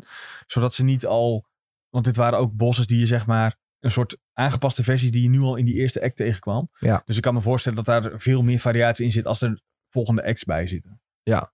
Dus ja, Zeker. Ga ik eigenlijk wel een beetje van uit. ik neem aan dat het gewoon was, we moeten ons beperken tot iets wat we nu willen testen en laten zien. Ja. En eh, ja, aan de andere kant zijn de, komen die klachten denk ik ook van mensen die dan eigenlijk al te veel hebben gespeeld. Zoals jij en ik misschien wel. Ja. Die, waarbij het op gaat vallen dat het zo herha- eh, zoveel herhaling is. Want de eerste keer dacht ik, oh ja, het voelt als Diablo, maar het is toch ook weer een beetje nieuw. Ehm, en het is wel cool. Toen had je er tien uur in gestopt en dacht van ja, Ja, nu, nu heb ik inderdaad, inderdaad voor de 28e keer dezelfde bos. en dezelfde dungeon soort. Ja, dat zal wel minder, dat gevoel zal wel minder zijn als je echt gewoon door kan naar het volgende Ja, stuk. als ze maar wel wat variatie daarin brengen. Dat niet elke dungeon ook is. ver- Pak, drie- verslaat drie vijanden zodat het deurtje open gaat. Ja, Daar zou dus een hele mooie kans liggen om ander soort puzzels te introduceren. Van eh, doe hier eh, wat ze nu wel hebben. Een emote en dat je dan iets krijgt. Ja, dat is wel grappig. ja, Ik zou dat niet in een dungeon verwerken. Maar ik snap wat je bedoelt. Doe ze wat creatiefs. ja, doe eens iets met de drukknop of zo. Of, Ja. eh, Ja, de manier hoe je loot krijgt vond ik op zich ook wel prettig. Hè? Gewoon wat je gewend bent, verslaanbazen krijgt loot. Maar ook dat je bijvoorbeeld die paarse puntjes krijgt als je bijvoorbeeld events doet. En die kun je dan weer uitgeven bij een vendor, waardoor je weer wat meer kans hebt op legendaries. Het geeft je gewoon een soort tweede vorm van progressie Ja. om eh, ja, nog een ja, beetje eigenlijk is dat volgens mij een aangepaste versie van die, ehm, die de Rifts uit Diablo 3. Daar kreeg je ook zo'n speciale currency en die kon je dan inruilen. En dan eh, had je weer kans dat je daarvoor een eh, legendary kreeg. Nee, ja, in ieder geval, eh, eerste indruk, zeer positief bij mij. Ik ga dit sowieso helemaal kapot spelen. Ehm, naast mijn World of Warcraft avontuur is het natuurlijk ideaal van... ja, oké, ik heb nu even niks te doen. Nou, gaan we even charactertje levelen, wat gear verzamelen. Ja, en dat kan ook prima denk ik. Dat je dan straks zegt van even een kleine dungeon. Even die bos nog een keer verslaan. En ik ben ook zeer benieuwd naar het verhaal eigenlijk. Want eh, die, die cutscenes, waar jouw karakter ook helemaal Ja, in is dat- verwerkt trouwens. Ja. Hè, met ook de gear die je aan hebt. Dat vind ik echt heel cool altijd als games dat doen. Ehm, die waren echt fantastisch. Eh, hoe Lilith eruit ziet. Hoe angstaanjagend zij overkomt. Eh, ook hoe mensen dan over haar praten. En hoe je ze langzaam meer leert over haar. Nou, dan kom je uiteindelijk de engel tegen. Die heel bekend is in inmiddels elke Diablo game. ja. Maar goed, ehm, ja, het, ziet er echt gruwelijk uit. Dat mag echt wel gezegd worden. Ja, die graphics zijn echt heel goed. En ook wel tof eh, hoe je gewoon je eigen personage echt helemaal eh, kunt customizen naar hoe je wilt. Eh, dat ziet er ook echt super vet uit. Daardoor heb je echt wel het idee dat je een beetje ergens aan het bouwen bent. Dat vond ik wel, vond ik wel goed gedaan. Ja. En hij loopt gewoon heel lekker. ik had bijna continu meer dan 200 fps of zo. Oh, ik moet, Ja, gewoon echt, eh, niet aangezet. Maar ik had uiteindelijk al ja. FPS-countertje aangezet. Her en der wel wat frame, frame drops, maar dat was vooral als het wat drukker werd op de server, eh, had ik het idee. In de middag had ik er niet echt last van. En toen, uiteindelijk, toen werd het een beetje een uur of eh, vijf, zes. En toen, Met Amerika wakker. Ja. En, toen werd het wel ja, iets minder goed. Maar over het algemeen li- liep het echt super vloeiend. En gewoon echt op hoge settings. Dus nou, prima. Ik heb over het algemeen een beetje met controllertje gespeeld. Weet dat jullie veel muis en toetsenbord eh, doen. Maar ja, controle werkt ook echt super goed. daarvoor nog heel veel muis en toetsenbord gedaan. Maar uiteindelijk vind ik het toch wel wat chiller om gewoon een beetje achterover te leunen. En eh, ja, op die manier de game te spelen.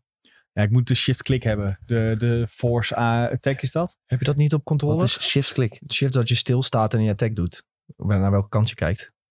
Dan kun je zeg maar in midden stilstaan als rogue en dan schiet je alle kanten op. Ja. En dan hoef je niet te lopen daarvoor. Oh ja, volgens mij kan dat gewoon. Maar Ja, Dus ik zou niet weten waarom dat niet zou kunnen met controle. ja, dat kan vast wel op een bepaalde manier. Ja. Ehm, Ik ga het nog even uitzoeken. zoek het even. Komend weekend. Ja, Ga ik ja weer komend weekend kunnen we weer spelen. Gaan we de Druid en de Necromancer proberen. Ja. Druid kan veranderen in een beer en een weerwolf uit mijn hoofd. En ehm, de Necromancer die kan bijvoorbeeld de doden eh, weer tot leven wekken. Heel veel bloedspels heeft hij echt eh, ja, een beetje nasty. Maar eh, zeer benieuwd. Necromancer vaak wel ook een lijpe DPS-klas. Ik had er wel dus wapens gevonden voor de Necromancer. Echt? Ja. Oh, hm. De Scythe. Oh, nice. Had ik een Die paar heb ik keer niet eh, gezien. Maar gewoon blauw hoor, dus niks Ja, speciaals. nou, maar gewoon, ik, dat ik wel dacht van ja, Wat moet ik hier nou mee? wat moet ik hiermee? Want het zit nog niet in de game. Ja, hij komt in mijn ster Ik vind dat, dat vind ik per definitie irritant aan dit soort games. Dat je dan iets legendary, legendary. eh, sorcerer only, terwijl je rook speelt. Dat soort dingen. Ja. ja. Maar die kun je dan in je ster stoppen. Ja, Want wat mensen dus doen is ze maken een sorcerer. Eh, en dat wordt dan hun farmklas. En daarmee farmen ze voor al hun klassen die ze hebben. Dat was in Diablo 2 vooral heel erg een ding. ja ik, tegenwoordig, tenminste, ik heb, ik heb meer Diablo 3 gespeeld. En daar kon je, daar, maar daar was de drop, de, het voelde aan alsof de drops al meer waren gericht op het personage wat je speelde. Aha. Wat wil je zeggen? Hoezo? Hoezo Sorcerer als farmclass? Omdat je... ehm, ja, ik, ik weet eigenlijk niet waarom, maar dat, dat voelde gewoon het beste aan om heel snel te... Ja, vooral volgens mij omdat je blink hebt. Dus je blinkt, Ah, dus je blinkt gewoon bloem. En zeker in Diablo 2, je kunt gewoon blink spammen tot je mana op is. Hier heeft het een cooldown. Ja. Maar daar blinkt hij gewoon zeg maar door heel de dungeon heen. Ook door muren kon je heen blinken. Dus als je dan gewoon wist hoe die dungeon in elkaar zat, deed je gewoon blink, blink, blink, blink, blink naar de baas. Kill je die baas, oké, ik pak de loot, ik ben weer weg. ja, precies. En je kon dan ook in parties met andere mensen. Dan, je moest dan zelf eh, een groepje maken, bijvoorbeeld eh farm group eh, Oké, ik join die, blink, blink, blink, blink, blink, kill die baas. Oké, st- stop de goede shit in mijn stash, de rest... eh, En nog een keer. En nog een keer. en nog, een, keer. Ja. Nou, in, in Diablo 2 Remaster heb ik dat wel een klein beetje gedaan. Maar ik dacht even, ja, waar, waar de fuck ben ik mee bezig eigenlijk? Waarom doe ik dit? Beter wel gaan spelen. ja, nou, het is echt zo van, oké, je bent nu al je klas aan het optimaliseren door één klas te gebruiken. Maar waarvoor ben je aan het optimaliseren? Zeg Ja. maar, ja, je wil optimaliseren omdat je dan uiteindelijk iets heel moeilijks kunt gaan doen. Mhm. Maar ja, dat zat er dus niet echt in. Dus ja, Ja. ik hoop dat Diablo 4 dat heeft. Ja. Geef ons die gekke bazen. Of Ja. raids of iets. Laten we erop hopen. Ik eh, las op Twitter eh, potentieel Game of the Year. Zijn jullie het daarmee eens? Zo. Eh, nee, dat gaat Als, het denk ik niet redden. Een mooie titel voor de podcast. Resident Evil en Diablo 4 mogelijk Game of the Year. Titel Ja. van de podcast. Ja, goede titel. Of the Het heeft zeker potentie, maar ja, dan moet je dus eerst de rest van de game hebben gezien en eh, die beloftes waarmaken. zijn niet beloftes. De dingen die wij hopen die erin zitten, Ja. moeten erin zitten. En dan is het, is het, heeft het zeker potentie. Maar ja, je hebt ook een jaar waar je nog Starfield gaat krijgen, Zelda. Ja, daar ben ik ook niet vies van. Starfield. Spider-Man waarschijnlijk. Spider-Man. Spider-Man 2 ook nog. Ja, ongelooflijk. het is een druk eh, bezet jaar, dus het eh, gaat lastig worden. Maar ik denk dat... Star Wars Jedi. Die wordt lekker zeg. Oh, die storyteller was uit deze week, hè? Ja. Ja, zag er smikkelbaar uit. Smikkelbaar. Smikkelbaar. Wat is dit voor woord? En morgen ook weer de Mandalorian, hè? Daar gaan we donderdag weer over. Zo. Ja, dat belooft trouwens... eh, ga die kijken voor donderdag. Want het belooft een speciale uitzending te worden. Mensen aflevering. denken, omdat de naam van de titel is The Foundling van de Ja. aflevering. Dus ze denken dat het over eh, Order 66 gaat en Ja. hoe Grogu dat heeft overleefd. En eh, hij is dus medegeschreven door Dave Filoni. En de vorige afleveringen die eh, medegeschreven waren door Dave Filoni, die waren speciaal. Onder andere bijvoorbeeld de introductie van Ahsoka. De Clone Wars afleveringen moet je gewoon eigenlijk zeggen. Oké, de Clone Wars aflevering. Ja, Dave Filoni is de Clone Wars eh, Ja. mastermind. Meer daarover.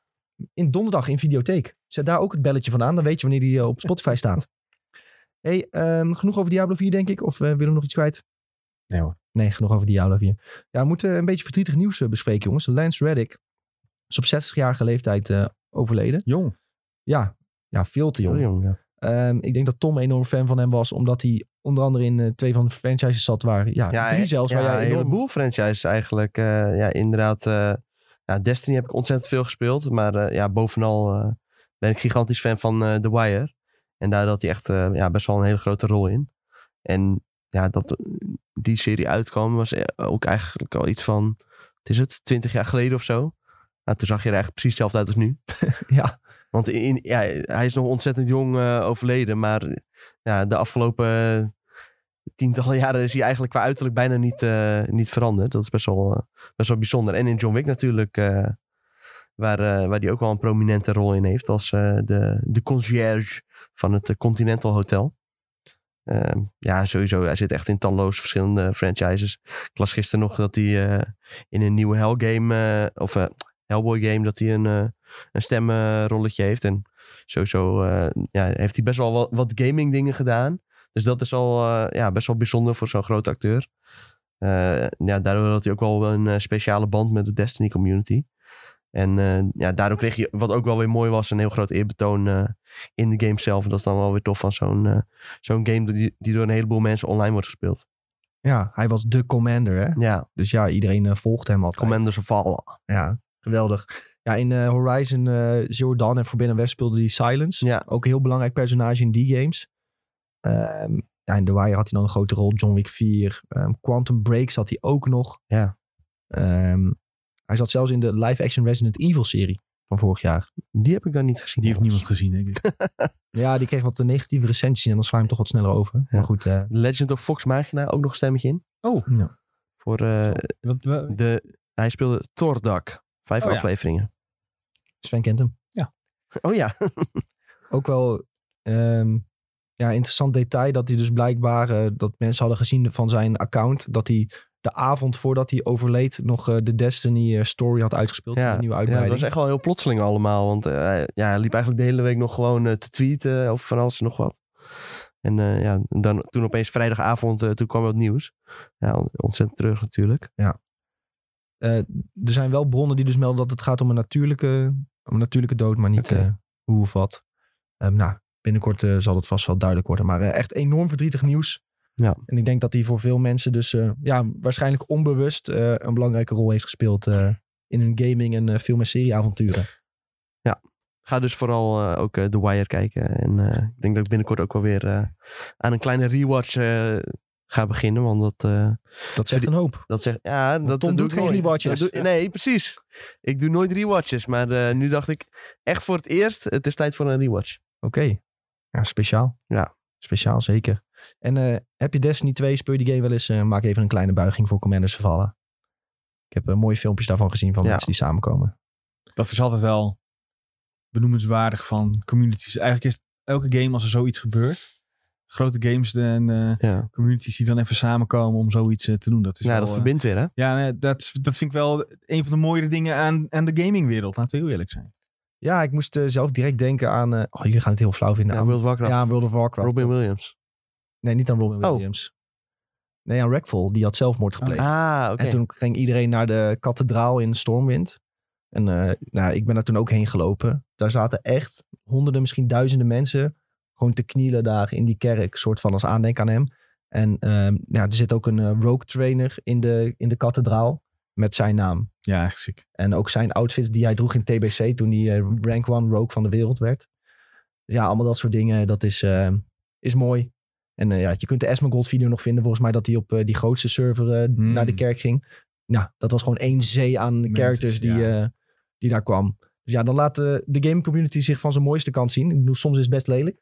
Ja. Hè, zijn Ja. mensen best lelijk Ja, tegen elkaar. ja. Maar dan is het... eh, ja, dan kunnen ze opeens eh, heel lief zijn. Mooi die eerbetoon in ieder geval. Waar we het ook even over moeten hebben, jongens, denk ik. Is eh, een nieuwe game van Techland die eraan zit te komen. Ehm, nou, ja. Ja, jouw favoriete ontwikkelaar. nou ja, ehm, we zijn flink gescamast door Techland, denk ik. Mooi. Hoezo? Nou, ehm, ik zal het zo zeggen. Julien en ik hadden op de E E3 2019 een afspraak bij Dying Light 2. Nee, ik ga het ik- op mijn manier vertellen. Ja, is goed.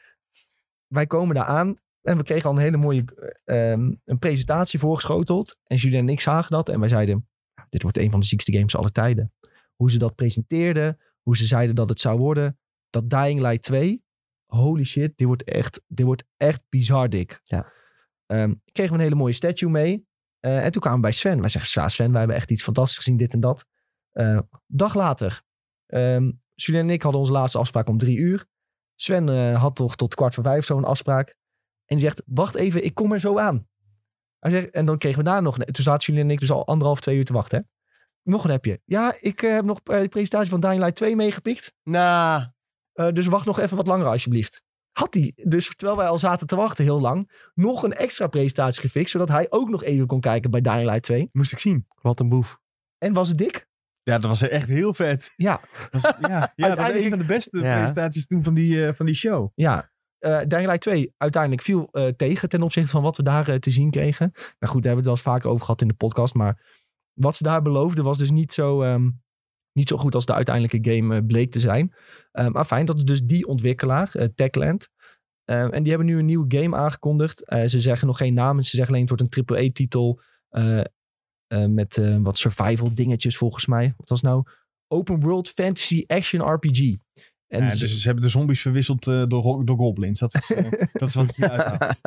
Ja, mogelijk. Ze hebben een klein stukje concept art gedeeld. Dit is eigenlijk wat ontwikkelaars nu vaker doen. Hè? Ehm, we delen concept art. We zeggen dat we ergens mee bezig zijn, want we hebben ontwikkelaars nodig die Ja. komen helpen. Dus Kom alsjeblieft bij ons werken. ja, wil je Ja. solliciteren? Ehm, kijk dan naar deze concept art. Ja. Vind je dit leuk? Kom bij ons solliciteren. Op, onder die afbeelding staat nog net niet standaard eh, de sollicitatiepagina Ja, ingebakken. zeg De vacaturepagina staat er. eh, als je op de afbeelding klikt, kom je op de vacaturepagina. Dat, zou, dat zou mooi zijn.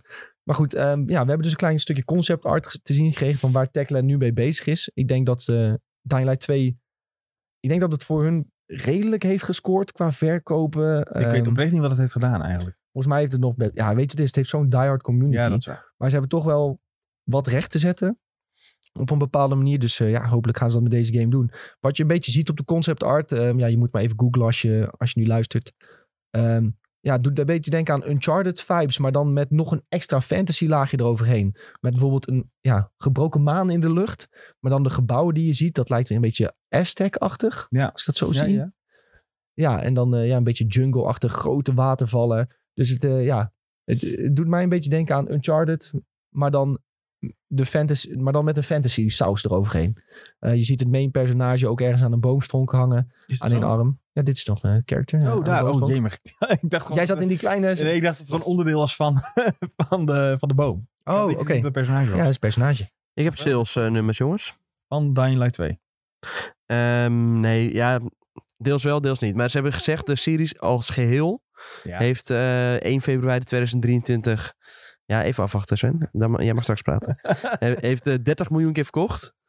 Eh, en vorig jaar, april 2022, toen zaten ze met series als geheel op 25 miljoen. Hm. En toen had Dying Light 2 5 miljoen. Dus Dus, 10 miljoen. Ja, zou, je zou kunnen stellen, ze hebben ongeveer 10 miljoen of net iets minder dan 10 miljoen. Dat is best wel goed. Ja, dat is best wel heel succes, decent, ja. ja. Nou, daar mogen ze niet over huilen, denk ik. Nee. Nou goed, ze zijn, zij zijn dus bezig met een, eh, met een nieuwe game. Flinke fantasy Ja. sausje. Ehm, maar ja, dat gaat natuurlijk nog jaren duren voordat het Ja, af is. joh. Maar ga, eh, zou je weer een first-person-achtig iets willen zien van hem? Jij hebt Eh, natuurlijk Dying Light 2 helemaal uitgespeeld. Ja, Dying Light 2 is echt een game met een enorme potentie, maar dat kwam er gewoon net Ja. niet uit. Ehm, dus ja, ik eh, wil wel zien wat ze nu gaan maken, dat sowieso. First person open world gebeurt niet per se heel vaak. Ja, Cyberpunk natuurlijk, maar Dying Light. Dying Light. ja, met Dying Light is dat open wereld niet helemaal toch? Jawel, Dying Light 2 is volledig open wereld. Ik dacht dat het een soort van eh, interconnected was, maar... Nee, je kunt gewoon overal heen hollen als jij wil. Cool. En je moet echt flink ver rennen af en toe hoor. Ja, jij, jij kan het weten. Ja, ik, ik heb flink wat meters afgelegd. Ik zag trouwens dat er een achievement in die game is dat je, laat, laat ik zeggen, 700 kilometer hebt gerend of zo. Dus er was een Oh. gast die had eh, elastiekjes om zijn controller gebonden. en dan Nou, zo hele korte rondjes ging rennen. Ja, En eigenlijk alle reacties waren van, jij bent niet bang voor stickdrift. Nee, zo. Anti-bang voor stickdrift. Ja. Ja, maar ik moet die achievement zijn. ja, zonde van je controller om dat, om dat zo te doen, want het kan echt niet goed zijn. Gewoon een hele goedkope eh, controle van twee tientjes eh, eraan hangen. Is dat het waard voor achievement? Nee, ja, voor mij niet. Maar voor sommige mensen wel.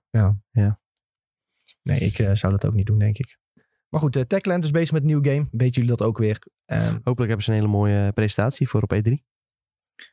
ja, dat betwijfel ik. Als ze nu, als ze nu alleen concept Ja, nu art nog niet, dit jaar nog niet. Maar eh, Eh, de- tegen de tijd dat jullie die presentatie zagen van eh, Dying Light 2, toen was de game ook nog lang niet af. Nee. toen werd hij nog drie keer uitgesteld. Ja, maar toen dachten ze wel dat hij bijna Ja. af was. Ja, oké. Toen werd het wel gebracht als van, dit komt volgend jaar toch? Dus dan had het Ja. 2020 moeten komen.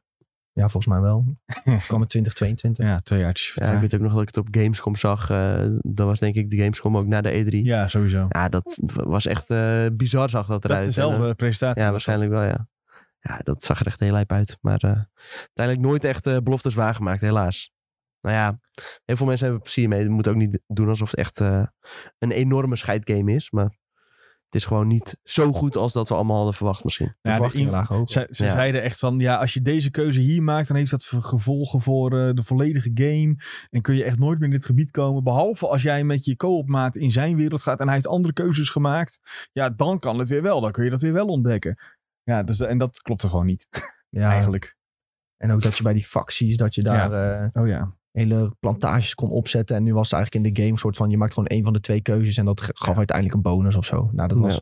dat was dus toen eigenlijk zo, zo saai. Terwijl dat echt een unique selling point was Ja. van de game. Maar ook, zij lieten toen op die presentatie zien van... Ja, als je in dit Fortress een keuze maakt... Of je het water weg laat lopen of niet. ja, dat heeft, veranderde de hele game. dan verandert de hele game. En nou, ik heb dus uiteindelijk dat punt gedaan. Is van, oké, je laat het water... Of je doet de sluis dicht, dus water loopt weg. Je kon daar één missie doen. En dat, was van de, dat hoorde bij de main story. En dat was eigenlijk heen en weer sprinten. Want je kon daar niet lopen. Zoveel zombies waren daar. Dus dat was twee keer heen en weer sprinten. En dat was heel het gebied. Terwijl ze dat zo zaten te verkopen Ja. op de E3. Ja, dat ja, was ze echt, verkochten het echt van, ja, dan kun je hier allemaal quests doen. En, Ja. ja. Jammer. Jammer. Zijn we er weer ingetrapt. Benieuwd of we bij de volgende van Techland er ook weer in gaan trappen. ja. We gaan het zien. Hey, ehm, volgende over nieuwe game eh, van Naughty Dog. De maker van The Last of Us. Eh, Neil Druckmann heeft eh, interviews gedaan natuurlijk voor de serie. En natuurlijk worden er dan wat vragen in gesneakt over de volgende game waar ze mee bezig zijn. Ehm, natuurlijk gaan ze daar niks over zeggen van waar ze nou precies mee bezig zijn. Daar pakken ze een eigen moment voor om zoiets aan te kondigen. Maar Neil Druckmann heeft wel gezegd, ze zijn bezig met hun volgende game. Nee, ik zie jullie nu denken, dat is de multiplayer game. Nee, naast de multiplayer game zijn ze bezig met een singleplayer game. Hij wil alleen niet zeggen welke dat is. Nu is, Ga mijn vraag, lekker niet zeggen. nu is mijn vraag aan Ik jullie. wel al. Ja, wa- wat, denken jullie... eh, ja, je gaat toch niet aankondigen bij de random journalist. Nee, fair enough. Ehm, wat denken jullie waar ze mee bezig zijn? Een geheel nieuwe franchise of is het gewoon The Last of Us Part 3? Nieuw. Ik denk gewoon Last of Us Part 3. Oh, ik zie hoor je twee kanten. Ja, Hebben we bewust vooraf even gedaan, Ja. anders krijg je Oh, oké. geen gesprek. Nee. Wat ik denk- ben het met Sven eens. Ja, nee, dat is ook niet leuk. Oké, maar waarom denk je The Last of Us Part 3, Tom? Eh, anders eh, kunnen ze niet verder met de serie. dat is een goeie. Ja. Maar volgens mij is dit al besloten voordat ze een serie, eh, voordat de serie uitkwam. Ja, de laatste keer dat we een nieuwe IP zagen van Naughty Dog, toen was het The Last of Us. Dus, en dat is echt heel lang geleden. Dus ja, ja ik weet niet. Ik denk dat deze franchise, ze doen Factions en dan doen ze part 3. En dan zijn ze gewoon klaar. En dan hebben ze het afgerond. Kunnen ze verder met iets nieuws. Dat zegt mijn Dat is gevoel ook wel. Hm. Eh, ook als je kijkt naar het verhaal van Ellie. Zijn er wel wat open eindes, denk ik. Ja. Sowieso heb je het idee dat er nog ja, veel meer te ontdekken is eh, in die wereld. Ja, misschien dat ze dat, die gaat er dan kunnen vullen met factions. En dat ze dan eh, met part 3 ja, de losse eindjes van Ellie aan elkaar kunnen knopen. En dan, eh, ja, dan hebben we een hele mooie trilogie, denk ik. Ik denk dat dat eh, een hele mooie gedachte is. Sven, jij zei van, ik denk wel een nieuwe IP. Ja. Waarom denk je dat? Ik denk dat zij ehm, daar vooraf over na hebben gedacht. Ze hebben nu de Last of Us als serie gedaan. Ik denk dat iedereen verrast heeft hoe populair dat is. Dat ze daardoor wel eh, zeker deel 3 willen gaan maken. Volgens mij is dat ook al gezegd. Ehm, maar dat ze de, die, die, dat succes misschien iets hebben onderschat. Het succes van de serie. Waardoor ze al hadden besloten om eerst een nieuwe IP te gaan doen. Eh, en dat ze nu dit, eh, dit zien en dachten, oei, misschien hadden we dat niet moeten doen. Dat zou, eh, zie ik wel gebeuren. Maar ik denk dat ze het vooraf, voor, ja, zeker omdat het los staat van... eh, ze- kijk, zij gaan niet een game ontwikkelen met in hun achterhoofd, maar we zijn ook een serie aan het doen. Ehm, dus ze hebben gewoon die serie losgedaan, omdat volgens mij, dat is ook vooral Neil Druckmann en niet echt Naughty Dog. eh, als hele studio. Neil Druckmann is daar als uitvoerend producent bij, omdat hij verhalen zo heeft bedacht. Dus ik denk dat ze dat, ehm, dat ze tegelijkertijd ook, ja, gewoon bezig zijn met die nieuws. Kijk, aangezien ik... eh, ja, dit klinkt misschien heel gemeen wat ik nu zeg. Maar omdat ik part 2 dus heb uitgespeeld... en echt, echt het idee heb van het verhaal van Ellie is nog niet klaar... denk ik dat er een part 3 komt. Eén, omdat het gewoon echt tering goed verkoopt. Eh, Die multiplayer gaat het nog een boost geven. Die serie geeft Mhm. een boost. Dat, ik, denk, ik denk ook dat Sony zegt van... eh, ja, wat denken jullie zelf? Ja. Part, part 3 Ja. gaan we toch gewoon doen of niet? En dat, ik denk dat Neil zelf ook nog wel het gevoel heeft van... het verhaal is nog niet klaar. Ook als je kijkt naar wat ze met Uncharted hebben gedaan. Ja, daar hebben ze enorm veel games van gemaakt om dat helemaal rond te maken. Ja. En ik denk om, om The Last of Us ook rond te maken, nog één game en dan een nieuwe IP. Ja, nou ja, het is ook eh, de strategie van Sony de afgelopen jaren hè, om eh, in te zetten op al bestaande IP's. Ja, Dus in die zin, eh, ja, geheel in lijn van de strategie van Sony zou ik het logisch vinden als ze met part 3 komen. Ja, nu, nu natuurlijk ook met Spider-Man, waar meestal de hele tijd nieuwe delen blijven maken. Ja, eerder wat jij zegt al, de Uncharted-reeks. Ehm, als je dan kijkt naar... Ze hebben ook wel eens wat nieuwe dingen geprobeerd natuurlijk, maar ja, dat scoort dan toch vaak net wat minder dan de dingen die, al, die ze al bestaand hadden. Dus ik denk Ja. dat eh, Sony zelf ook wat minder happig zou zijn op een eh, nieuwe IP. ja ik denk niet dat ze soms zouden huilen, maar Nee. Nee. Of juist verbreding van portfolio, juist wel een nieuwe IP. Dus kan, die, dat argument kan allebei de kanten op, denk ik. Ja, het is wel wat Nou ja, dat dat is gewoon de strategie. dat Ja, ze ja. echt heel erg inzetten op bestaande franchises. Mhm. Omdat eh, ja, een nieuwe IP komt altijd met risico's. Ja, Aan de andere kant, Naughty Dog vertrouwen ze inmiddels denk ik wel dat ze iets tofs kunnen Ja, maar- neerzetten. Ja. Ja, ik weet ook niet of zij zeg maar simultaan ontwikkelen. Dus tegelijkertijd, tegelijkertijd Ja, de multiplayer parallel en dit wordt wel tegelijk Ja. gemaakt nu. De multiplayer. Ja, maar- de- en, ja, misschien dat... Het zijn allemaal aannames, maar dan zou het ook kunnen dat ze... Oké, multiplayer klaar. En dan gaat dat team gaat dan door met The Last of Us Part 3. Ik denk dat je het Ehm. grootste voordeel hebt wat je hebt met bijvoorbeeld een The Last of Us Part 3 is dat je heel veel assets Ja. en eh, dingen heb je al. Nee, dat is waar. Heel Ja. veel mechanieken, hoe eh, moet Ellie bewegen en lopen. Daar Mhm. hebben ze zoveel tijd al in gestoken. En dat zo, ziet er al heel mooi uit. Dus ja, ik denk dat het moeilijkste wordt om het verhaal te bedenken. Ik denk ook dat als ze een eh, nieuwe IP gaan maken, misschien dat ze dat ook wel ondertussen, dat ze daar ook eh, op inzetten. Want ik zag eh, van die makers van, oh, hoe heette dat nou? Jeetje, nou, ik ben het helemaal kwijt. Maar eh, het lijkt me logisch, want anders slaan ze de hele PlayStation 5 over. Een game, ja, een nieuwe IP maken duurt iets van zes of zeven jaar. Ja, dan ben je een keer eh na de PlayStation 5 ben je klaar met die game. Ja, dat zei Jason Schreier volgens mij. Die had berekend dat als je nu begint met de ontwikkeling van een game voor een console, dat je eigenlijk al ontwikkelt voor de volgende generatie consoles. Ja, Ja. Ja, omdat er zoveel tijd in gaat. Omdat het- ja. Het zou nu wel met, eh, hoe- als meer studios Unreal 5 gaan gebruiken, zou het wel wat sneller moeten kunnen. Maar ja, goed.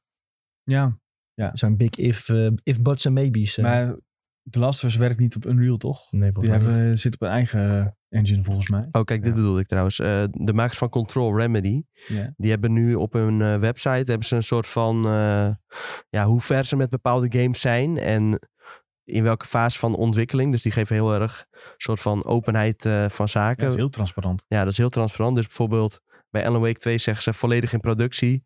Eh, Control 2, die zitten in proof of concept. Eh, en dan zeggen ze ook van... eh, ja, ze hebben een soort van ja, eh, diagram met het proces. En daarin staat dan in welke fase van het proces... eh, hoeveel mensen daarvan aan een game werken. Dus bijvoorbeeld eh, ja, bij een concept eh, hebben ze een teamsize van 20 of 30 man. Mhm. Eh, en als de game volledig in productie eh, is, dan eh, is het eh 100 plus man qua team size. Ja, wordt gewoon opgeschaald. wat ja, wordt gewoon is. uiteindelijk opgeschaald. Dus het kan prima dat eh Naughty Dog al bezig is met concepten voor eh, nieuwe IP's. En dat, ehm, weet ik veel, een Last of Us 3 al eh, richting die Ja. productiefase gaat. Ja, Dus dat kan prima naast elkaar bestaan. Je hebt Ja. bijvoorbeeld bij Blizzard heb je een team die niks anders doet dan nieuwe games bedenken. En de- daar gaan gewoon Ja. 80 games per jaar gaan de prullenbak in. Totdat ze, er een keer iets is waarvan ze denken, hé, hey, dat is leuk. Ja, dan gaan we wel meer mensen zetten. Zo'n mapje ja, nee. En dan Ja. daar weer Ja, verder. Ja, eh, precies. Want zoals hier bij Remedy, in, eh, daar staat al dat ze eigenlijk met vijf games eh, bezig zijn. eh, waarvan ook nog Max Payne 1 en 2 remake eh, ertussen zit. Ja, lekker. Goed bezig. Eh, ik zie in de chat nog een vraagje van eh, SCB. Die vraagt, wat wordt er bedoeld met IP? Eh, intellectual property, is dat heel kort gezegd. En dat is eigenlijk eh, eh, de IP The Last of Us. De IP Horizon. eh, de IP Alan Wake. de Control. franchise de eigenlijk. franchise eigenlijk, ja. Met een nieuwe franchise waar ze bezig Ja. zijn. daar komt eigenlijk op neer. Bob zei nog in de chat... eh, van ja, met die PlayStation Showcase zagen we nog die Uncharted-achtige game. Oh ja. Misschien was dat het wel wat toevallig voorbij kwam. Nou, moet wel PlayStation First Party titel zijn, dus who knows? Who knows? Zou ik ook toejuichen hoor, als er een nieuwe Uncharted zou komen. Dat maar zou ze hebben al gezegd dat heel, dat er niet ging zijn. Nou, ik zou het wel toejuichen. Ja. We gaan het even Mag doorgeven. nog ja. Hallo Niel. Eh, Hallo Herman. Ik heb het even met Tom over gehad. Eh, Nee, waarschijnlijk als dat komt, dan zal het niet door eh, Naughty Dog worden gemaakt, maar gewoon door een andere studio binnen Sony. ja, zeker. Oké, nou, zijn we ook weer rond. Daar zijn we ook weer rond. Hey, ehm, voordat we naar de mediatipjes gaan van wat jullie deze week moeten spelen en kijken, volgens ons. We hebben elke week in de eh, Spotify app, dus niet via de website, via de app, kun je een poll en een open vraag invullen. Want dat vinden we leuk om eh, van jullie te horen. Eh, en deze week was de vraag, wat vinden jullie van het uitstel van Suicide Squad Kill the Justice League? Oeh. Vond je dat een goede beslissing, erg jammer of de game is niet meer te redden? 0% Erg jammer. dat erg jammer. Heb jij dus niet ingevuld? Nee, dat Nee. klopt. 29% zegt dat is een goede beslissing. En 71% zegt die game is niet meer te redden. Oei, oei, oei. Dat is wel heel hoog hoor. Dat is Pub- eh, keihard. public opinion is niet best. Nee, Nee. maar dat, we, we wisten al dat die public opinion niet best was. Maar zo in cijfertjes wordt het toch echt, hè? Ja, ja, ja, ja. Hey, ehm, en daarbij was de vraag. Welke games raden jullie aan nu Starfield is uitgesteld? Starfield is uitgesteld, dus je hebt wat extra tijd over de komende maanden. Wat gaan jullie spelen? Roy Gerrit zei... Resident Evil 4 Remake, Zelda Tears of the Kingdom, Star Wars Jedi Survivor en Horizon Forbidden West Burning Shores. Die zullen mij wel vermaken tot 6 september. Heel mooi lijstje, denk ik. Goeie smaak. Ja, Roy Gerrits. Ja. Daar kun je niet mis mee. Eh, Niels Berg gaat verder met Mass Effect. Eh, Kingsley die gaat, eh, die is beide Ori games aan het spelen. Tweede net aangestart via Game Pass. Top games, ook al zijn ze niet nieuw. Zeker mee eens. Mooie Klein games. tipje. Ori, de tweede Ori game is nu ook in de aanbieding bij Steam voor eh, 5 euro, geloof ik. Zo, stelen. Ja, bijna stelen. Hij zegt ook, eh, games stellen me, stellen me de laatste tijd wat teleur. Maar ja, Oh. dan kun je ook wat oude games checken die heel goed zijn natuurlijk. Hè?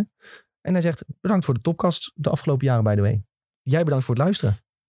Suikerpap zegt, eh, ik heb gisteren Dead Cells op de Switch gekocht met alle DLC. Wat een geweldige game. Ik raad deze van harte aan. Gaat stipje ook van Suikerpaps.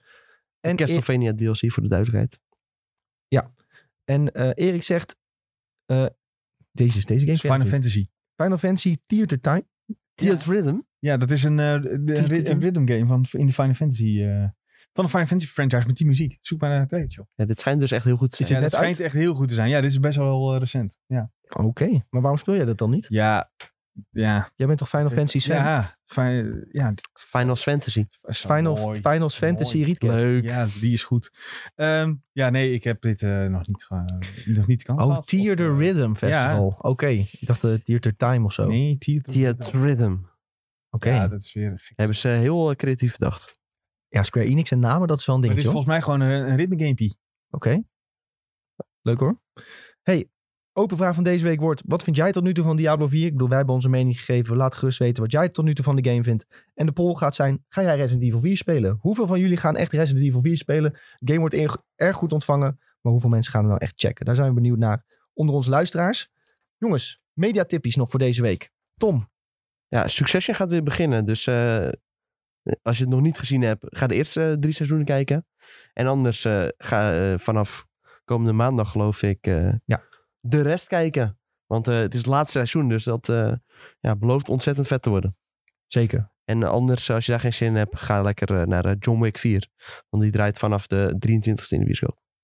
Ik piggyback denk een beetje mee op Succession, zei Sofie. Daar heb ik enorm veel zin in. Hè? The Last of Us is nu klaar. Ondertussen kun je nog The Mandalorian zien. Eh, ik zag op TikTok ook mensen van, ja, nu is The Last of Us voorbij, wat moet ik nu kijken? Zag ik in veel reacties, Succession komt eraan. Was ik Ja. zeer trots op die reacties. Ja. Sven, had jij nog een mediatipje? Ja, gewoon hetzelfde als vorige week. En dat is? De Diablo 4 beta is eh, dit weekend. Ga checken. Gaat checken. Ja, goede tip. Nieuwe klasses. Nou, Ja, nieuwe klasses ook. Maar ook denk ik, als je nog nooit een Diablo game hebt gespeeld, nu, kun je, nu is het moment om even drie dagen gratis te, te proberen. Eh, en je weet en denk ik met dit, deze game heel snel of je het leuk vindt of niet. Want als jij deze gameplay niet trekt, of de manier van verhaal vertellen, of de stijl of iets, dan ben je er ook zo mee klaar. Als je het wel, ehm, als, het, als het je wel te pakken heeft, dan eh, ja, heb je een probleem, want dan moet je heel lang wachten. Dan zien we Ja. je in Sanctuary. Dan zien we je zeker in Sanctuary. En zo- eh, ja, als je het nou allemaal al een beetje moeilijk vindt of zo, zoek alvast even iets van een beeld op of zo. Want nu is al het voorwerk is al een soort van gedaan. En eh, daarmee wordt het wel een eh, ja, iets eh, gemakkelijker eh. Playthrough, denk ik. Ja, Ja, ik zou wel zeggen, speel eerst gewoon met de personage gewoon blind. ook Op goed hoor. 25, dan zoek dan een beeld op. Of als je er niet uitkomt. Ja, of als je er echt niet uitkomt, maar dan, dat kan alleen met Bar- Barbarian. Lekker zelf even sleutelen. Ja. ja. leuk. Ja, goede tips jongens. Ik eh, piggyback gewoon mee op jullie mediatips. Want dat is ook precies waar ik me bezig, eh, mee bezig hou de komende week. En het belletje, hè? Is ook een... eh, Druk op het belletje. Druk op het belletje op Spo- po- Spotify. Hey, eh, dan zijn we aan het einde gekomen van onze podcast. Zoals jullie waarschijnlijk al eh, zouden vermoeden. Onze socials zijn @IGNBenelux. Zoals gezegd, volg ons. Druk op het belletje. Helpen jullie ons enorm mee. Eh, dan zien we jullie donderdag bij Videotheek. Hartelijk bedankt voor het kijken en luisteren. Hopelijk tot de volgende keer. En doei doei. Doei!